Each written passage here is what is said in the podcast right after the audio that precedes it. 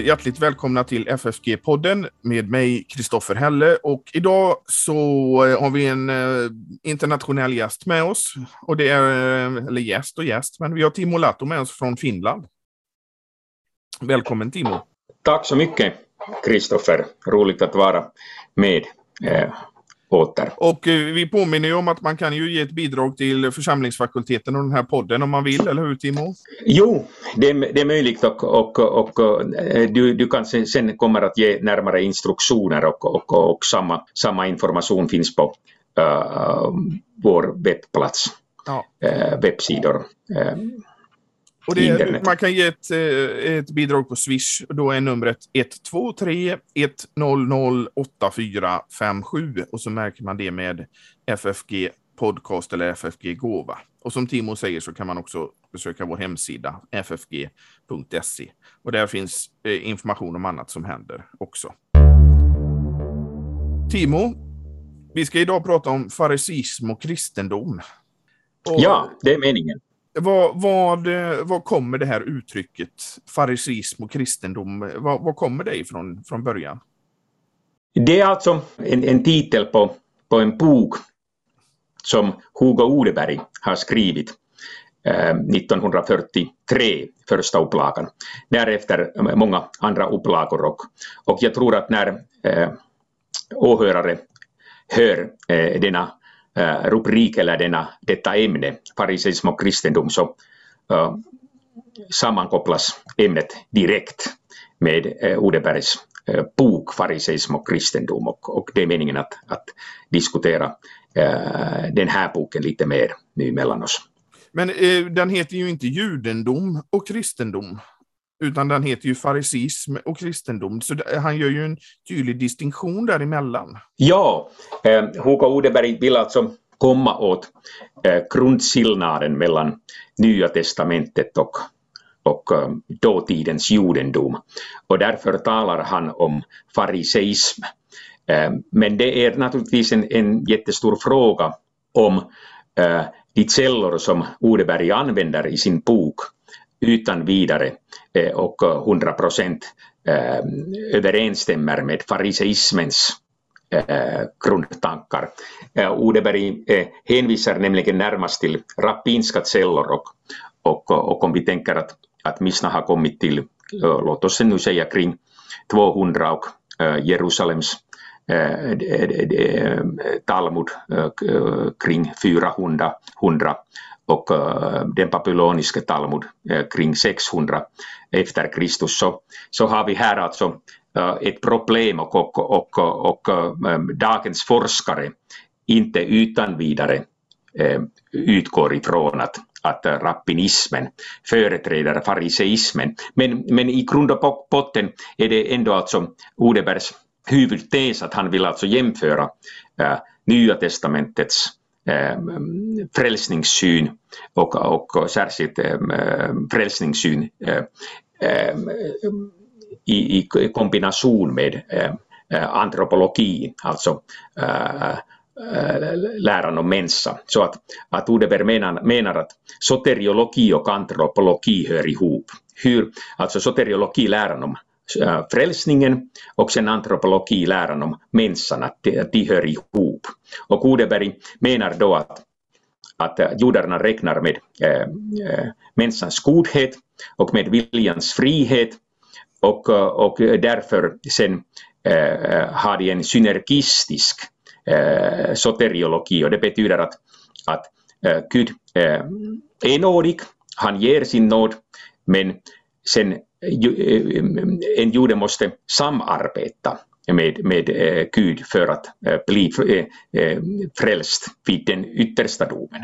Och, och det är alltså en, en grundtanke i Judebergs bok att, att, att judarnas, den judiska religionen Eh, det är den fariseiska, eh, fariseiska, fariseismen och den fariseiska religionen är alltså en synergistisk religion där eh, frälsningen baserar sig på ett samarbete mellan Gud och människa. Och sen Jesus kom med en ny syn på Eh, frälsningen och Paulus likaså och, och Nya testamentet i sin helhet och där betonar man istället för synergism, vi kan säga att där betonar man då eh, monergism som betyder att, att eh, Jesus har gjort allt för vår frälsning och det här är ett evangelium och, och allt är fullbordat som Jesus ropar på korset, hans sista ord. Det är fullbordat. Allt är fullbordat och evangeliet förkunnar att det här är sant, allt är fullbordat och sen eh, får vi tro det här. Och, eh, och eh, de kristna utför också goda gärningar men inte i sin egen kraft utan i den kraft som Guds ande ger dem. Och därför talar vi om andens frukter eller snarare eh, talar vi om andens frukt. Eh, i singularis. Eh, det är alltså ett uttryck i Nya testamentet att, att anden producerar sen eh, dessa goda gärningar i och genom oss. Men om, om vi, vi, vi går tillbaka till början så, så eh, det här med syndafallet till exempel då, det här, de här eh, fariseerna. Eh, farise, du menar att det skedde inget syndafall? Utan det var Adam och Eva som var svaga människor. Som valde att synda. Och det var ju lite det du pratade om, viljans frihet. Och, och det här att de, de, det är deras syn på det, att det var inget syndafall utan det var mm, det, de här svaga människorna som valde att synda? Ja, eh, i princip kan vi alltså tala om, om syndafallet. Eh, Adam och Eva eh, har fallit i synd och det var första gången man gjorde sig skyldig till, till en överträdelse av Guds bud där i paradiset. Eh, På det viset kan vi tala om, om eh, syndafallet. Men, men du har rätt, och det, det, det var det som du menade, eh, du har rätt där att, att sen judarna inte betraktar Adams och Evas syndafall som ett sådant syndafall som har åstadkommit ett grundligt fördärv i människan, utan Adams och Evans syndafall är närmast alltså eh, en berättelse, en, ett exempel på hur vi människorna kommer till korta och, hur vi människorna syndar mot, mot Gud. Och på det viset är Adams och Evas syndafall inte av så stor betydelse eh, inom judendom som är i, i, inom kristendom. När man läser Nya Testamentet så, så ger ju de här fariseerna ett sken av att Eh, de klarar upprätthålla lagen på egen hand. De, eh, alltså att de eh, gör de här yttre tingen. De anklagar gärna till exempel för att bryta sabbaten. Och det är väldigt mycket av de här ytliga tingen, men det här med hjärtats begär är aldrig med i deras resonemang. Alltså, fariseerna, eh, de har också, eller, eller rappinerna, de diskuterar också eh, eh, dessa innersta motiv som finns i mensan och de, de också har läst naturligtvis eh, nionde och tionde budet i, i dekalogen och, och det, där säger Gud att du, inte, du ska inte ha begär. Eh, och eh, Odeberg är alltså, alltså eh, mm, mycket noggrann i sin bok, alltså han vill där i början överge många vantolkningar av rappinismen eller fariseismen. Och där sen alltså förkastar han bland annat bland många andra vantolkningar just också en, en sådan, mm, mm, vi kan säga en, en sådan ytlig Eh, missförståelse att den rappinska etiken eh, eh, skulle basera sig på en egoistisk strävan eller, eller, eller, eller att att äh, den skulle koncentrera sig enbart på det yttre beteende och inte kräva en mer djupgående intention. Äh, sådana äh, missförståelser förkastar äh, Odeberg. Och vi kan säga att alltså han här alltså äh, lever före sin tid. Han har skrivit sin bok Fariseism och kristendom 1943 som jag sa det. Och först alltså efter 30 år senare och inte minst i och med E.P. Sanders som har skrivit om den palestinska judendomen på Jesu Paulus tid eller, eller, eller före Jesus och Paulus och efter Jesus och Paulus. Äh, han har kommit till likadana resultat. Men alltså att, att det som är märkligt är, är att, att Odeberg har sagt samma sak redan ähm, 30 år tidigare, eller över 30 år tidigare. Och det visar alltså hans Eh, stora kompetens när det gäller det judiska materialet och, och hur man, man tolkar äh, detta material. Och, och det, det, det, här måste vi hålla alltså i minnet, äh, att Odeberg alltså inte gör sig skyldig till en, en sån banal äh, vantolkning av fariseism eller rappinism. Och, och det är storartat, det som vi finner i, i hans bok i detta avseende. Ja, det slog mig första gången jag läste boken just att uh, han nästan går till ett försvar i början för det här och, och, och pekar på vilka likheter det finns. Gjorde det samma sak med dig Timo när du läste den, att han försvar, att du tyckte att försvaret var, var ganska så starkt ändå? Jag har träffat alltså eh, flera, flera personer i Sverige och eh, många har sagt att det finns till exempel två eller tre böcker som har varit eh, som har betytt en revolution i deras tänkande. Och sen har de eh, eh, tagit upp eh, några, några böcker, men, men eh, alltid har Odebergs bok om fariseism och kristendom varit med i deras listor. Och jag tycker att, att det är alltså eh, mycket märkligt att en bok som är så pass eh, gammal och som härstammar från eh, krigstiden att denna bok fortfarande har en så stor betydelse i flera människors trosliv och, och, och, och tänkande överhuvudtaget. Att, att, att många menar att, att det är sällan de har läst en sån Eh, eh, eh, revolutionerande bok som Odebergs bok om fariseism och kristendom. Och, och jag tycker att, att det är sällan man stöter på en, en sådan bok. Jag har också tusentals böcker själva och, och, och, och, man läser och läser och läser men, men denna korta bok som Odeberg har skrivit, denna bok har haft en så enorm betydelse. Och då måste vi naturligtvis komma till din fråga, att vad är orsaken till det här? Sen alltså, Odeberg, eh, som sagt alltså, han vill alltså inte bagatellisera eller, eller göra judendom till en ytlig religion. Men sen vill han alltså eh, understryka att judarna hela tiden alltså, alltså att de räknar med Guds nåd, de räknar, räknar med Guds ingri, ingripande i historien, de, de, de är, är medvetna om, om det som Gud har gjort bland dem eh, eh, genom århundraden och årtusenden. Och eh, ändå sen alltså menar Eh, rappinerna, rappinerna att vi människor och särskilt judarna som har fått lagen, att de måste sen alltså göra sitt bästa för, för att äh, samarbeta med Gud Eh, i, i frälsningsfrågan. Och sen kommer eh, Odeberg till denna tes att, att många kristna eh, kyrkor, många kristna riktningar i dagens läge att, att många kristna egentligen tänker på samma sätt. De alltså ansluter sig till denna eh, judiska grundtanke att, att vi är i vårt innersta, vi är eh, goda, eh, naturligtvis vi är syndare och det finns mycket som är fel inom oss.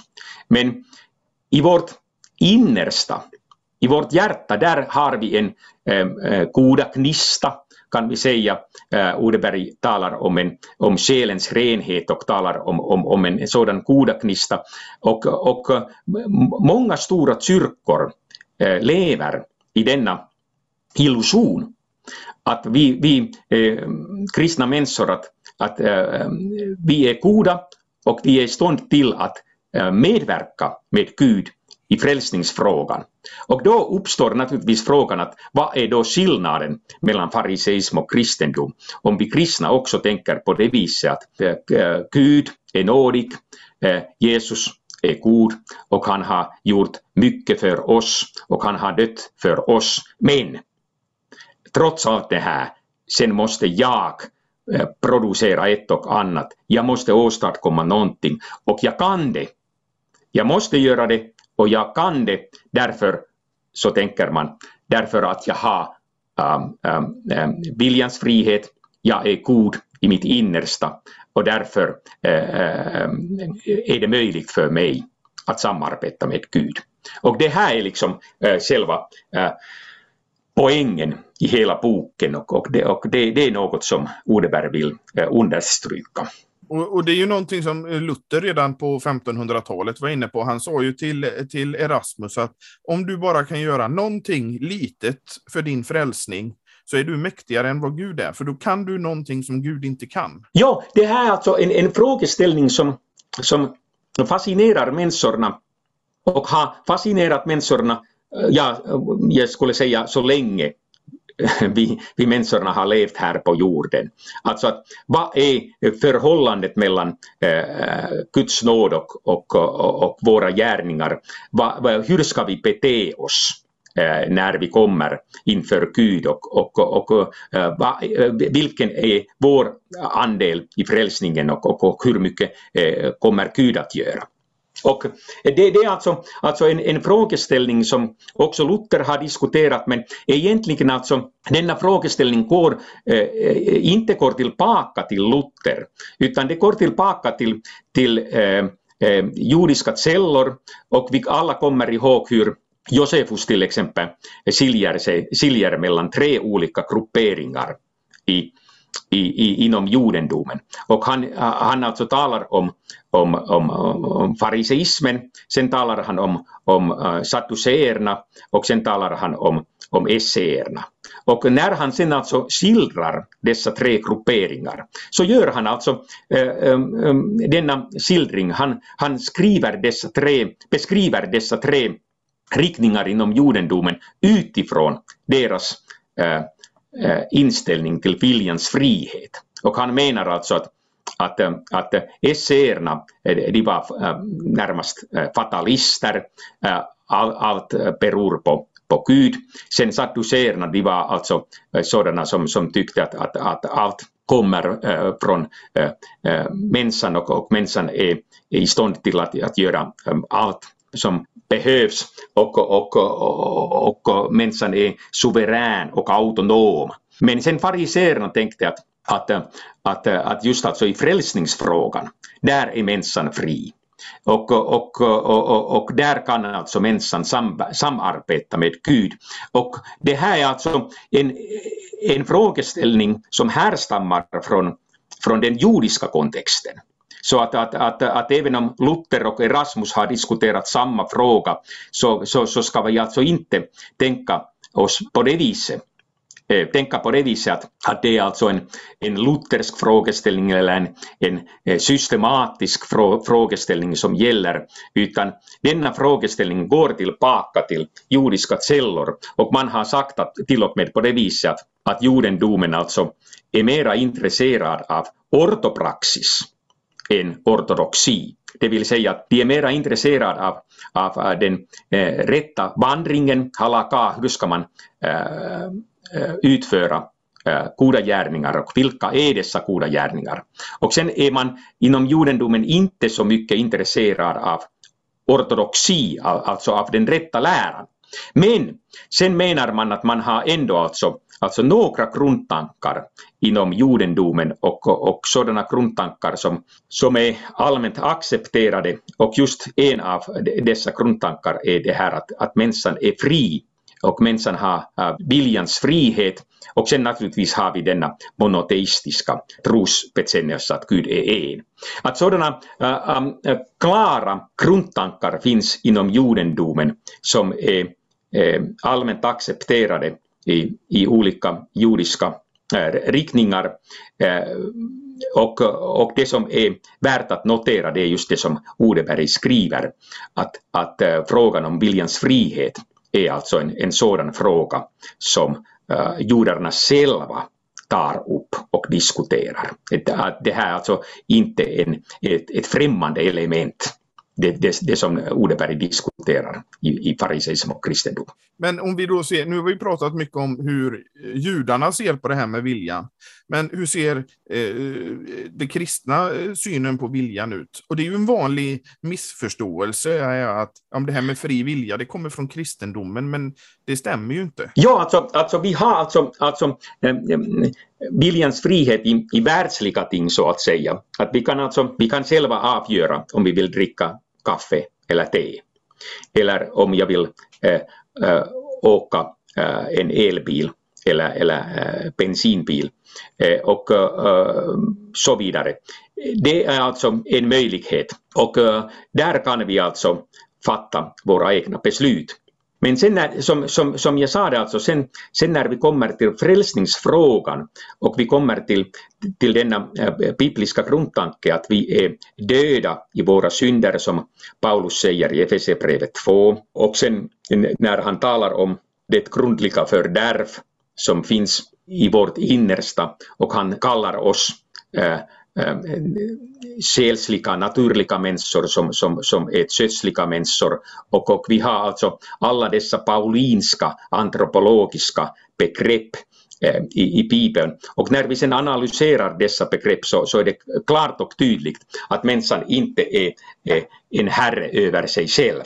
Men, men sen har vi av någon anledning så har vi ändå alltså Eh, i olika kristna sammanhang och i olika kristna kyrkor som jag sa det eh, här redan tidigare. Vi har denna tanke på viljans frihet och, och det här att att eh, för att du, du ska bli frälst så måste du samarbeta och, och med, med Gud och, och då har alltså dina gärningar en avsevärd roll eh, i, i, i frälsningsfrågan. Eller kanske har dina gärningar en mindre roll, men ändå alltså äh, om allt, om din frälsning sist och slutligen beror på din insats, på dina insatser. De må vara stora eller små, eller ytterst eh, små insatser. Så ändå eh, eh, kan vi alltså eh, sen säga att om det är din insats som avgör om du blir frälst eller inte, så är din insats just den avgörande punkten. Och utan din stora eller lilla insats kan du aldrig bli frälst. Och då alltså eh, eh, förändrar sig eh, kristendomens riktning. Man är inte mera, man, man koncentrerar sig inte mera på i, på, på Guds allmakt, inte på äh, Kristi fullkomliga frälsningsgärning, utan äh, man kombinerar sin egen makt med Guds allmakt. Människans egen, egen makt alltså ingår i Guds allmakt och sen man vill också betona att jo, Gud har, eh, Jesus har gjort eh, mycket och det är liksom grunden till och med grunden för frälsningen, men jag måste själv bygga på denna grund. Och det är avgörande för min egen personliga frälsning. Och där har vi ett problem. Och där menar sen Odeberg att nu har kristendom blivit fariseisk. Och det är en, en mycket intressant tes som Odeberg kommer med i sin bok. Och det har ju, det har ju växt sig in även i, i lutherska sammanhang det här. Det är sant. Det är sant och, och det är alltså så svårt att komma till den rätta insikten därför att, att vi människor vi eh, drabbas av eh, högmod och vi vill eh, ha höga tankar om oss själva. Och därför blir det så svårt att, att äh, säga och bekänna att jag är en arm, fattig, syndig människa. Att jag kan inte göra någonting för min frälsning utan allt jag gör det är synd eh, när, när äh, Gud ser på mina gärningar och på mig själv. Han ser att, att jag har inte uppfyllt lagen utifrån eh, de rena motiven. Och jag har inte eh, gjort det som jag borde ha gjort. Och eh, då märker Gud att, att allt vad jag gör det uppfyller inte hans höga krav. Och då, då, då alltså måste vår frälsning basera sig på en annan grund. Det måste basera sig på endast på det som Kristus har gjort på Golgata kors. Men det, för det ligger ju i syndafördärvet att, man, att människan vill kunna själv. Jag kan själv, man vill. Eh, det, det är precis det som, som skedde i, eh, i, i paradiset med att människan vill själv. Man, jag vill bli som Gud. Ja. Precis det som är syndafördärvet och, och eh, det är precis det som, som seglar upp här i dessa riktningar. Jo, det är, e, e, just så att, att vi kan säga alltså att Adams och Evas fall leder sitt ursprung från högmod. Att de vill bli lik Gud, som Gud. Och, och eh, det är liksom eh, just här de kommer till korta. Och, och det har också kyrkofäderna noterat och, och de har talat mycket om superpia, alltså högmod. Och, och de har skrivit mycket om, om denna grundsynd och menar att, att det här är något som eh, vi människorna äh, äh, hela tiden gör oss skyldiga till. Äh, och det ser vi här, att, att också när, när, när vi diskuterar vår egen frälsning Eh, så vill vi inte kasta bort alla våra höga tankar utan vi vill på något sätt kombinera Guds enorma nåd och sen mina egna insatser i frälsningsfrågan. De må vara stora eller små, men, men eh, jag måste eh, göra något jag själv. Och det är också någonting som jag har tänkt på att väldigt många reagerar väldigt starkt på den här kristna synen på viljans frihet och människan, människans kapacitet. Man, man förutsätter att man har en fri vilja i allt. Och när man kanske börjar argumentera emot det så eh, blir de väldigt i affekt och upprörda. Ja, och vi, vi, vi kan förstå det därför att vi har alltså i Bibeln alltså, eh, en före detta farisé, Paulus. Och, och, han har alltså sen haft denna eh, grundinställning som Josefus berättar om att alla fariseerna menade att, att människan eh, i grund och botten är god. Och uh, han har uh, sin godhet, han har en ren själ, en gudaknista i sig själv och han har viljans frihet. Och det var just det som Paulus sen också tänkte före sin omvändelse. Men när han sen kommer till tro så uh, överger han denna grundtanke och sen börjar han alltså uh, äh, tala för en mycket mer pessimistisk syn. Eller vi kan säga att, att hans äh, syn på människan är ja, mer pessimistisk men också mer realistisk. Och därför alltså undrar jag inte alls att människorna kan bli arga eller, eller att vi kan på något sätt alltså tycka att, att eh, en sådan här förkunnelse som Odeberg skriver i sin bok Fariseism och kristendom, att en sådan förkunnelse irriterar dem. Eh, det är just det som eh, också Paulus tänkte. Och därför, när sen, sen därtill när de kristna sen alltså förkunnade att en korsfäst Messias, alltså en förbannad Messias, är, är just det som Gud ville utvälja och, och, och, och äh, visa att, att här har vi Guds Messias, en förbannad människa, äh, sann människa, sann Gud på korset. Att Paulus kunde inte acceptera en sådan förkunnelse, äh, men sen kom han till den här insikten att, att han var förbannad för vår skull. Att därför att jag var och är fördärvad.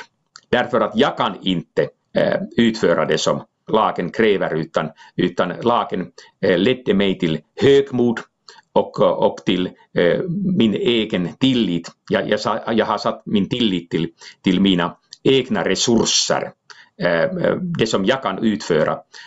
Att när Paulus märkte det här, att han hade hamnat i en sån situation där han Eh, berömmer sig där han förhäver sig själv, då började han också förstå varför Jesus var tvungen att dö för honom och för oss alla. Och då börjar man alltså lovprisa Jesus att han har älskat så mycket att han har gjort allt det här för oss. För att det är ju, eh, det är ju också, om man tar de här senaste vi har pratat om, så just det här syndabegäret och viljans frihet, det är ju syndabegäret som, eh, som väcks till liv då när man får reda på att nej men, viljan är inte fri, du kan inte göra, du kan inte välja själv eh, i andliga ting. Och eh, uh, jag, jag, jag brukar alltså säga så här när jag undervisar mina studenter att Paulus sen alltså uh, har uh, i första Korintierbrevet, han säger att, att vi är Guds synergoi. Vi är alltså Guds synergister. Vem är dessa vi? Det är alltså Paulus och apostlar och de som förkunnar Guds ord, evangelium. Och där säger sen Paulus alltså plötsligt att, att han är Guds medarbetare. Alltså han är Guds synergos, han är Guds synergist, medarbetare. Och det betyder alltså att, att Paulus äh, har denna insikt att du kan komma till tro förutsatt att vi har en kyrka, vi har en apostel, vi har det apostoliska ämbetet, vi har någon som förkunnar Guds ord, evangelium. Och sen i andra eh, Korintierbrevet kapitel 4, vers 6, där säger Paulus att, att Guds evangelium är Guds skapande ord. På samma sätt som Gud sa det i början av eh, världens skapelse var det ljus. Och det fanns inget ljus, men sen kom ljuset. När Gud sa det var det ljus. Och Paulus fortsätter sen där i andra Korintierbrevet kapitel 4, vers 6 att, att på samma sätt evangeliets ljus har äh, kommit till, nämligen genom Guds ord, genom evangeliet. Och då har vi fått evangeliets ljus i vårt hjärta. Och det är alltså intressant att, att, att jag tror att, att en, en stor missförståelse i kyrkans historia är det här att man har alltså börjat tala om synergism, alltså synergism, jag upprepar, det är detta samarbete mellan Gud och människa i frälsningsfråga. Att man har börjat tala om synergism och menat att det är var och ens uppgift att hysa synergistiska tankar och att vara Guds synergist medarbetare och, och göra någonting för sin egen frälsning. Men Paulus menar däremot, han, han menar så här att nej, det kan du inte. Men Gud har velat att det finns alltså eh, apostlar. Det finns en kyrka som förkunnar det apostoliska ordet. Och ordet som du, Kristoffer, eller jag, Timo, ordet som vi förkunnar, den är, eh, det är Guds kraft. Det föder tron, det åstadkommer tron och därför kan Paulus säga att, att det är just alltså Eh, kyrkans ämbetsbärare, de som förkunnar evangeliet, det är det som hjälper Gud. Gud har alltså ingen annan mun här i världen utan predikantens mun. Och när predikanten förkunnar evangelium, han då lånar, om vi får säga så, lånar sin mun och Gud, medverk, Gud verkar i och genom hans mun och åstadkommer tro. Och, och, och, här har vi alltså denna, vi kan tala om, om denna bibliska synergism i, i denna bemärkelse att, att ingen människa är i stånd till att medverka i sin frälsningsfråga. Vi är döda i våra synder eh, Gud måste frälsa oss 100 procent om någon överhuvudtaget kan bli frälst. Men Guds frälsning sker Eh, via evangeliets förkunnelse och därför behöver vi någon som förkunnar. Därför har vi kyrka.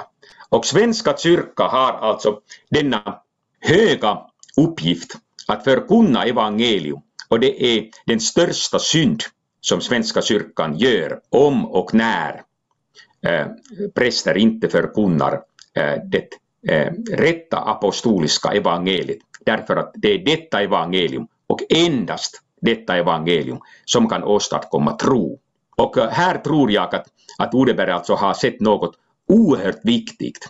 Och det är alltså, alltså vi behöver alltså ödmjukhet för att förstå det som Odeberg har skrivit och sen behöver vi eh, rätt insikt i prästens kallelse.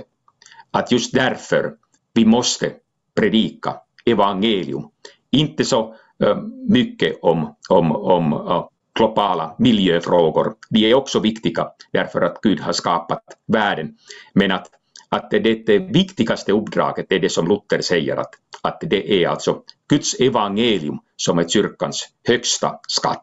Och vi är kallade till att förkunna evangelium och det är genom evangeliet som tron föds. Men den som förkunnar evangelium gör ju inte det av sig själv. Det är ju Guds ande som finns där. Den, man den som ska förkunna Guds ord måste ju öppna upp sig för vad Guds ande vill säga. Absolut. Man ska inte förkunna sig själv. Och, Nej. och då kommer vi in fortfarande till den här med viljans frihet vi pratade om innan och det här att man kan själv. Att man börjar förkunna sig själv eller någonting som, eh, som inte stämmer överens med Guds ord. Jo, det, det, där, där har vi det. Och det är just alltså det som eh, är eh, Svenska kyrkans största problem idag. Att det finns så mycket annat som Svenska kyrkan förkunnar och inte Guds ord. Och de som förkunnar Guds ord, eh, de har alltså själv kommit till tro genom evangeliet. De har alltså själv märkt att jag inte kan medverka. De har, själv märkt, de har själva äh, märkt att, att de är döda i sina synder, men sen finns det någon som har förkunnat Guds ord för mig och jag har kommit till tro genom det här. Och när vi sen alltså går tillbaka i tiden så kommer vi till sist till Jesus själv. Han var den första som förkunnade evangelium. Genom detta evangelium kallade han sina lärjungar, sina apostlar, och de fortsatte hans arbete och de har förkunnat evangelium och så har det gått till nu eh, under alla dessa århundraden och årtusenden. Och det är alltså eh, sen viktigt att notera det här att, att eh, det var Gud som tog initiativet. Han sände ut sin enfödde son. Jesus kom och han blev vår frälsare. Han förkunnade evangelium och genom detta evangelium eh, födde han tro hos sina um, lärjungar. Och sen dessa lärjungar har fortsatt han, hans arbete. Och på det viset har evangeliet kommit till, till eh, dig Kristoffer och till mig och till alla våra åhörare. Och det är det enda sättet Gud verkar Eh, och, och, eller det är det enda sättet hur tron eh, avstras och hur tron eh, kommer till. Men vi får ju inte glömma att man ska också få kunna lag för att förstå att man behöver evangelium. Det är sant. Och, och, och där måste vi sen alltså kanske hålla en, en, en, en äh, annan diskussion. Vi ska förkunna lag och evangelium, men äh, poängen här är att lagen inte kan föda tro. Lagen kan anklaga oss att vi saknar tillit till Gud. Men det är bara evangelium som föder tron och, och därför alltså måste vi understryka här att, att för att äh, komma bort från, våra, äh, från vårt dilemma, att hur ska jag komma till tro, så ska vi alltså inte äh, sätta vår tillit till vår godhet, till viljans frihet, utan då måste vi lyssna på Guds evangelium. Och eh, det är alltså Guds lösning på detta dilemma, detta problem. Hur kommer du till tro när du inte kan åstadkomma tro? Hur kan du bli levande när du är död i dina synder? Då kommer Gud och säger att jag har sänt ut min enfödde son Jesus, han ropade till Lazarus kom ut. Och Jesu ord har kraft att äh, göra detta under. Att äh, en död människa kommer eller blir levande. Och på samma sätt äh, Jesus har förkunnat evangelium, evangelium och förkunnat för oss alla att kom ut äh, från äh, syndernas, från dina synders grav. Och det är sen alltså det enda sättet hur vi kommer till tron.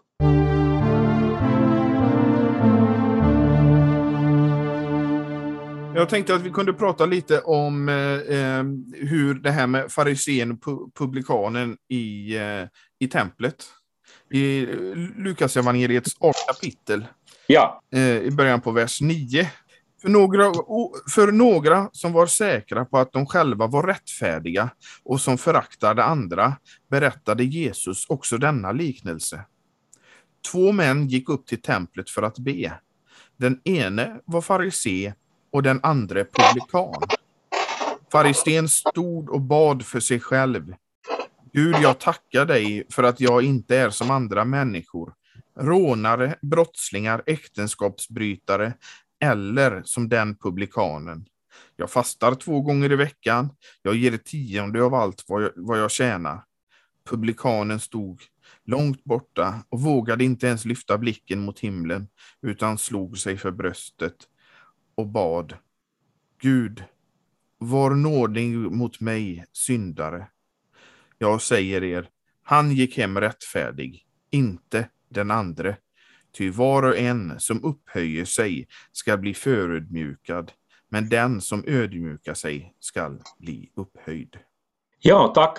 Det här är alltså en, en ganska slående liknelse, därför att här ser vi eh, hur eh, farisén, åtminstone i princip, hur han vill alltså eh, beakta sina inre motiv och hur han vill alltså komma bort från en sån egoistisk syn på sig själv. Han nämligen börjar tacka Gud här. Han vill alltså, alltså uh, uh, lyfta fram uh, att Gud, jag har all anledning att tacka dig för allt det här. Och här ser vi alltså att, att i grund och botten vill farisé vara en gudfruktig människa och göra allt för att väcka positiva äh, känslor hos Gud. Sen kan vi på samma gång se att farisén här trots allt är jätteegoistisk. Han strävar alltså efter att komma bort från sin egoism. Men fortfarande är han alltså oerhört egoistisk därför att när vi läser vad han säger inför Gud, det är hela tiden jag. Han alltså tackar Gud men han upprepade gånger talar om sitt eget jag. Jag, jag, jag, jag gör, jag, jag, jag. Och det är liksom eh, en sådan tjatande stil här till och med att, att man börjar undra sig över, över det här. Och sen eh, för det andra vill farisén här också jämföra sig själv med publikanen. Och då gör han alltså sig skyldig till, till det som är kanske eh, den eh, grövsta synden i hela världen att, att man börjar inför Gud i denna heliga stund när du ber. Och då borde alltså alla dina tankar rikta sig till Gud. Att i denna stund börjar du sen använda ord som nedvärderar din medmänniska och du börjar tala om honom på det här viset att jag är inte som den där publikanen. Och då börjar vi alltså inse att, att trots alla dessa goda intentioner som farisén har, att han vill tacka Gud, det är ju för sig storartat. Att han just äh, i denna fromma stund, äh, och ju högre farisén kommer, och ju längre han kommer i sin gudstjänst, desto ofrummare blir han. Eh, och han sen alltså visar en sådan fromhetsövning som vi på något sätt, vi alla tycker att, att något här går fel. Det, det är något som går fel här. Men sen, eh, som sagt, det, det, är lite svårt att sen exakt definiera. Vi ofta tänker på, här, på det här viset att eh, farisén bara skryter eh, sig över eh, något som är hans eget. Eh, men, men som sagt, alltså, han tackar Gud. Och allt ser, all ser, ser ut så bra han ser så bra ut och man, man tycker att, att var, var ligger felet? Men vi kan äm, sammanfatta det här att, att äm, farisén trots allt är ytterst egoistisk. Sen nedvärderar han sin eh, nästa, han älskar inte sin nästa så, så som sig själv. Och sen, han har inget behov, därför har han inget behov för denna nåd som publikanen ropar efter. Farisen alltså är medveten om Guds nåd, han är tacksam inför Gud för allt eh, den nåd som han har fått, till exempel i förbundet, i form av förbundet och, och alla, alla dessa gåvor som finns med, eh, där eh, inom förbundet. Men han har inget behov för det som publikanen säger, nämligen publikanen där eh, sen slog sig för bröstet. Han visar alltså att här har jag det stora problemet. Mitt bröst, mitt inre. Och jag behöver alltså Guds nåd. Och utan Guds nåd, utan att han förbarmar sig över mig 100 procent, då kan jag inte bli frälst. Sen har man också sagt här att, att, eh, att när eh, äh, farisén och publikanen äh, står där i tempelområdet, att det är just eh, då dags för eh, eh dagsoffer. Och när sen publikanen här eh, ber om Guds nåd så vill han alltså eh, sätta sin tillit till det offer som Gud ger. Och det är sen grunden för hans eh, tro och det är sen det som också Jesus uttryckligen säger här att, att eh, publikanen gick hem rättfärdig men inte denne farisé. Och det är alltså uh, mycket här i denna liknelse som tilltalar oss och verkligen uh, ger oss all anledning uh, att vi borde eh, rannsaka oss själva.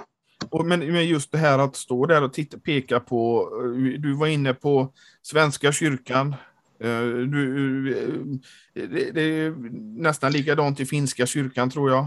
Att man står och slår sig för bröstet och tittar på vad vi gör för klimatarbete, titta vad vi gör här och vi gör för det och det. Man eh, pekar på saker som man själv gör hela tiden. Ja, och det som är det stora problemet enligt den här liknelsen, det är just det här att, att ähm, trots att vi ser det här, trots att vi noterar det här, trots att vi kan äh, på, på goda grunder vi kan ähm, anklaga svenska och finska kyrkan för det här, att, att sen vi själva, ändå har vi själva detta problem, att det är så svårt att bli som den här publikanen.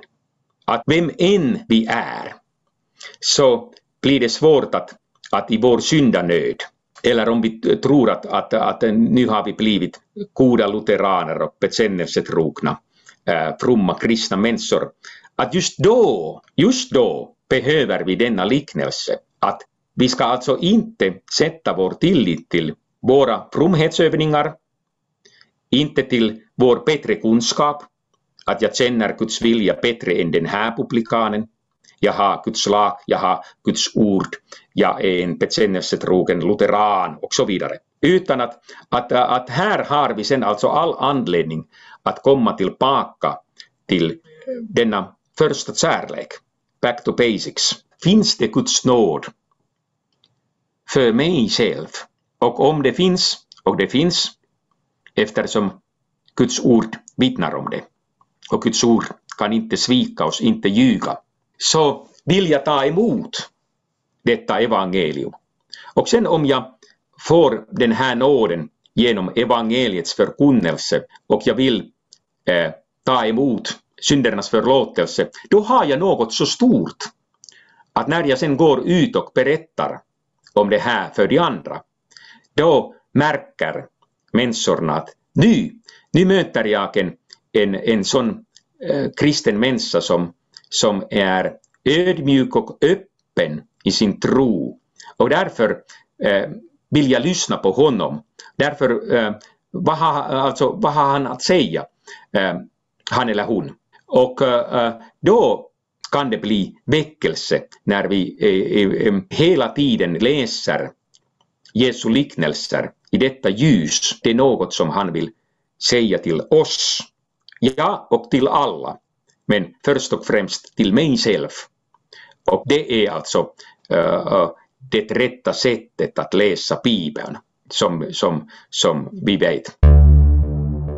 Hugo Odeberg, som skrev den här boken 1943, han har varit uppe på tal i den här podden förut. Senast var nu när Pekka Heikkinen vinterpratade och berättade om sina minnen i, eh, från studenttiden i Lund med Odeberg bland annat. Ja. Det var ju en mycket framstående teolog, den här Odeberg. Så kan man säga. Det finns sällan sådana teologer som kan skriva något som är så pass, låt oss säga skakande eller, eller så att, att, att, att liksom alla våra, äh, att vi, att vi, vi, vi, liksom, vi trodde att vi vet. Vi trodde att, att vi är goda kristna. Eh, vi trodde att äh, det inte finns så mycket att hämta ur Bibeln. Sen läser vi en bok som blir en sådan ögonöppnare och vi märker att, att eh, vi som trodde att vi har allt, att, att vi är rika, att vi saknar allt, vi är arma, fattiga, syndiga människor. Och jag därför skulle uppmana alla åhörare att läs Odebergs bok eh, med eftertanke och låt boken eh, visa sitt inflytande på dig själv. Mm. Och jag tror att, att du, du kommer att få en fin upplevelse som kanske först eh, känns eh, oerhört nega, eh, alltså som en negativ upplevelse. Men det är eh, en mycket fin upplevelse trots allt därför att eh, efter att ha läst den här boken så har vi kanske kommit till eh, först då kommit till den rätta insikten. Här i den här boken har vi något väsentligt som jag kanske har försummat i min egen bibelläsning. Och eh, det är eh, fantastiskt att, att vi har haft en, en sådan eh, lärare, Hugo Odeberg, som kunnat skriva en bok som fortfarande tilltalar dagens människor. Men Ud Odeberg, hans motiv med den här boken var ju inte på något sätt att svartmåla judendomen som det kan kanske framstår lite som idag? Ja, alltså, det, det har alltså pågått en, en längre diskussion här och, och jag har själv deltagit i den här diskussionen eh, i Svensk teologisk kvartalsskrift eh, 2007. Och jag ville alltså bara eh, påpeka där att, att, att eh, en eh, judisk toppforskare, Hans Joachim Schöps, som bodde då för tiden eh, eh i Sverige han skrev en recension av Odebergs bok Fariseism och kristendom, alltså en judisk toppforskare. Och han menade att, att i den här boken har Odeberg eh, skrivit något fantastiskt. Och han menade att, att Odeberg har helt korrekt insett var problemet ligger och han var mycket nöjd med Odebergs Eh, bok Fariseism och kristendom. Sen eh, ha, var han mindre nöjd med hans Odebergs politiska eh, åsikter och så. Men, men han alltså lovprisar den här boken och han var alltså en, en, judisk toppforskare. Och sen när vi läser den här boken, det var en, en annan äh, viktig poäng som jag ville påpeka. Äh, där sen alltså äh, citerar Odeberg och hänvisar till Eh, eh, en, en skriftserie eller en, en bok i tre band. De lärendes Judentums, Nach den Kvällen. Alltså en tysk bok. Och, och det, det är alltså ett standardverk inom judendom. Och alltså ett standardverk som har publicerats på nytt eh, på, på 1990-talet. Och Odeberg alltså följer den här bokens argumentation och det är också alltså skri boken, eller, eller detta, eh, dessa tre band är, är, skrivna av judiska forskare, toppforskare. Och eh, Odeberg alltså ansluter sig till deras resonemang. Och äh, därför tycker jag att, att man på något sätt alltså inte gör rättvisa åt Odeberg om man tänker att, eller om man påstår sådär utan vidare att, att, att, att, att Odeberg har här alltså en antisemitisk tendens. Jag tycker att det är banalt att påstå eh, något, något sådant därför att Odeberg själv anknyter till, till, eh, till ett standardverk som är skrivna av judarna och som fortfarande används av, av, av dagens forskare och sen alltså en, en judisk toppforskare eh, som har skrivit en recension av Odebergs bok, lovprisar boken. Så att, att det, det, det, finns mycket, mycket mer att säga och, och, om, om, om det här och, och, och, och jag har alltså skrivit eh, mitt bidrag i, i, i Svensk teologisk kvartalsskrift år 2007 och det var närmast då alltså i, i, i motsättning till Jesper Svartviks tankegångar och, och, och, och, och, och jag tycker att Jesper alltså har, har, Jesper Svartvik har på ett bra sätt problematiserat Hugo Odebergs politiska åsikter och vissa, vissa tankegångar men, men, men alltså att han, han kanske inte ser eh, hela skogen eh, för, för ett bara träd. Att, att han förbigår helt och hållet Söps recension och han förbigår helt och eh, hållet denna äh, tanke att, att hur, hur, kan, hur skulle Odeberg vara en antisemit när han hela tiden anknyter till, till detta standardverk som judarna själva har skrivit. Och, och um, jag hoppas att vi får alltså en, en mera rättvis bild av, av Hugo Odeberg. Vi behöver inte acceptera allt det som, har, som han har skrivit. Uh, men i den här boken, Fariseism och kristendom, han har skrivit mycket sånt som vi verkligen måste reflektera över och fundera på mycket och mer. Och det är ju verkligen relevant att jämföra den här synen på frälsningen som de Jesu motståndare hade som, och den synen på frälsningen och den frälsningen som Jesus kommer med. Ja, och där har du alldeles rätt och, och det har vi samtalat om det här och, och sen alltså när eh, Hugo Odeberg hade denna Erevna eh, studieföreningen och han ledde gruppen också under eh, krigstiden andra världskriget så har jag hört att han eh, har där sen alltså kallat in judiska rabbiner och haft samtal med dem. Så att, att det visar också att, att om vi har alltså Hugo, Hugo Odeberg som äh, vill ha varma diskussioner med judiska rabbiner och till och med under krigstiden att, att, att det är knappast rättvist att påstå att han var äh, en nazi. Mm. Eh, jag, jag, tycker att då, då har man alltså tappat bort objektivitet i, i sin forskning och, och, och börjar svartmåla en människa eh, som var en människa och, och en svag människa och inte alla hans tankar var eh, helt korrekta. Så är det med oss. Eh, och, och, och, det är helt korrekt att, att sen kritisera Odeberg i detta avseende men, men man, man, man, man måste alltså komma med en, en finare eh, bild av Odeberg och en bild som gör mer rättvisa åt honom. Vi avslutar här Timo tycker jag.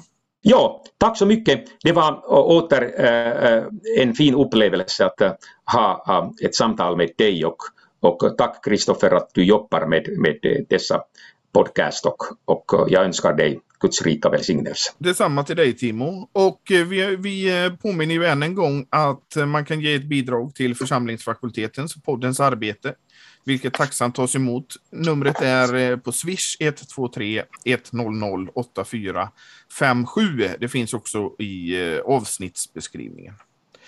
Och eh, än en gång Timo, det var roligt att du var med. Och vi hörs igen nästa vecka. Ja, tack så mycket. Tack. Jo, hej. hej. hej.